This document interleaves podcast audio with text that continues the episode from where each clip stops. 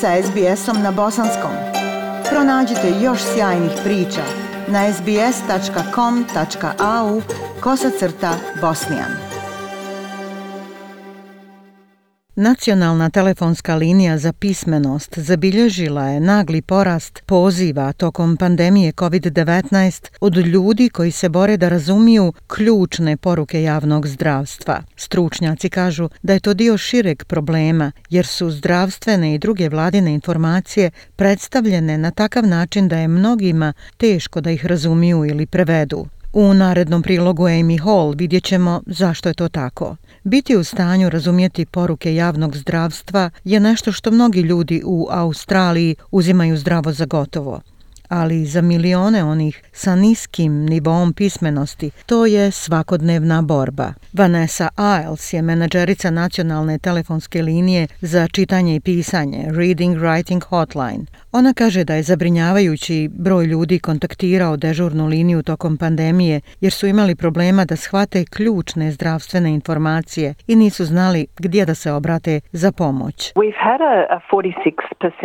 Imali smo porast poziva od 46% u drugoj polovini ove godine i to su ljudi koji traže informacije općenito o časovima opismenjavanja, ali ono što nalazimo je da sve veći broj njih postavljaju pitanja o zdravstvenim porukama. Dakle, ili se muče da slijede informacije i savjete koji postoje ili imaju problema sa stvarnom digitalnom navigacijom, pokušavajući rezervisati i preuzeti QR čitače i QR kodove. Ona kaže da je većina zdravstvenih informacija napisana tako da koriste veoma napredne nivoje jezika i koje oko 44% odraslih Australaca vrlo teško razumije.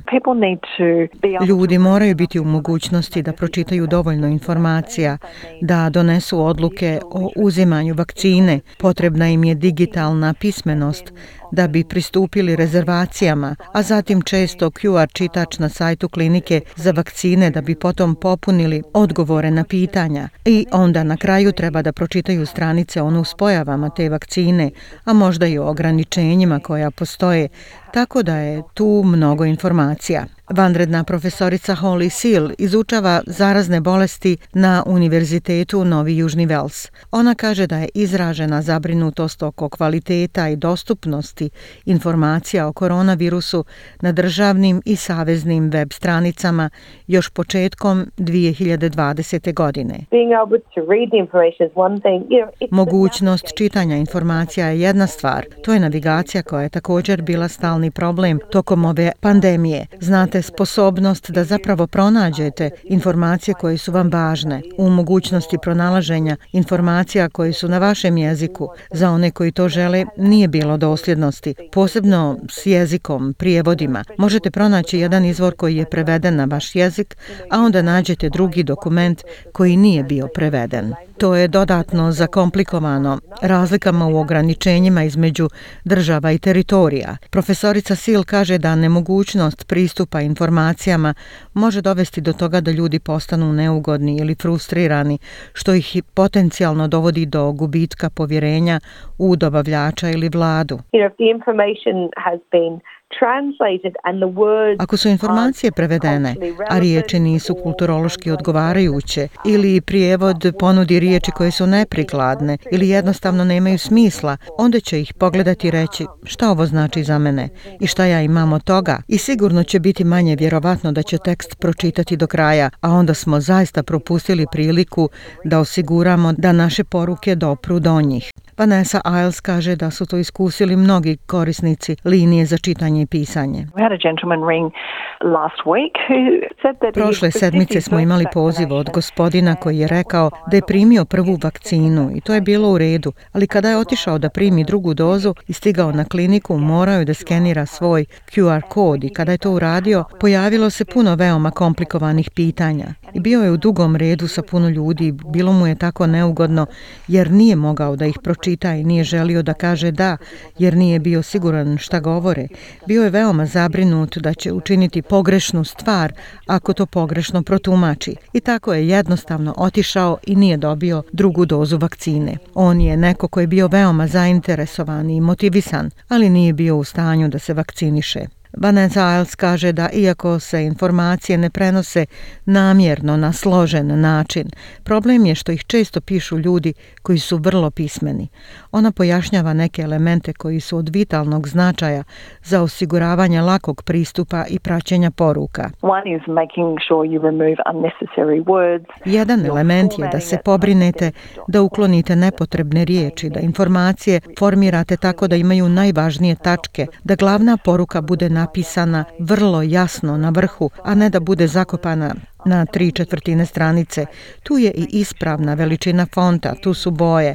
I ako gledate web stranice, opazit ćete da su najvažnije i najjednostavnije informacije na prvoj stranici, a onda postoje veze za dalje informacije. Ona kaže da resurse zatim treba testirati na ljudima sa niskim nivom pismenosti kako bi se osiguralo da razumiju. U saopštenju Federalnog ministarstva zdravstva kaže se da je ono aktivno uključeno sa zajednicama tokom pandemije kako bi se osiguralo da je komunikacija o sprovođenju vakcinacije prikladna i efikasna. Specifične komunikacijske aktivnosti i strategije angažmana zajednice razvijene su u partnerstvu sa multikulturalnim specijalističkim agencijama kako bi doprle do ljudi različitog kulturnog i jezičkog porijekla. Razvijen je niz komunikacijskih resursa na jeziku za multikulturalne zajednice, uključujući radijske i štampane uvodnike, videozapise s informacijama o vakcinaciji protiv COVID-19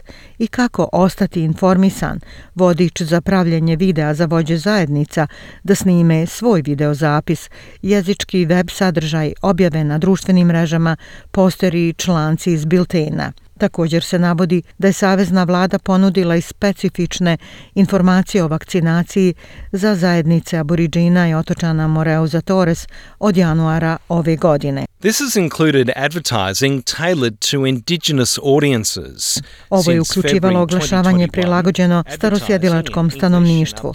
Od februara 21. oglašavanje na engleskom i do 15 jezika aboriđina i otočana Prolaza Torres distribuirano je putem opštih i autohtonih medija, uključujući televiziju, radio, štampane, digitalne i društvene medije. Prevedeno oglašavanje fokusira se na zajednice u kojima se engleski manje govori. Vanredna profesorica Holly Sill kaže da je komunikacija vlade sada bolja nego na početku pandemije, ali još uvijek ima puno prostora za poboljšanje. You know, I think there's other opportunities to Mislim da postoje druge mogućnosti da se možda izgradi mreža ili izgrade druge strategije gdje možemo smanjiti vrstu preklapanja koje smo vidjeli u nekim izvorima, vrstu dupliranja u materijalima. Ako radimo između država i teritorija, može doći do boljeg načina za obavljanje stvari kao što su usluge prijevoda, tumačenja, razvoj rezultata društvenih medija i slične stvari.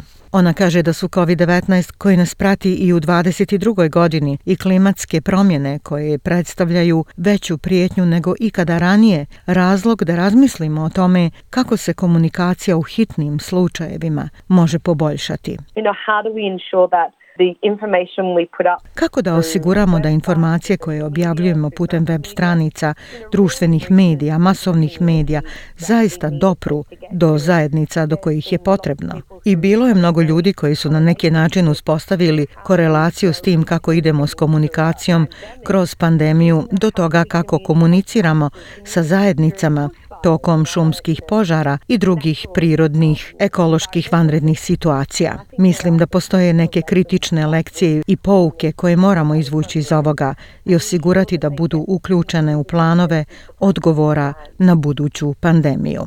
Ja sam Aisha Hadži Ahmetović. Ostanite uz program SBS radija na bosanskom jeziku. Like, share, comment. Pratite SBS Bosnian na Facebooku.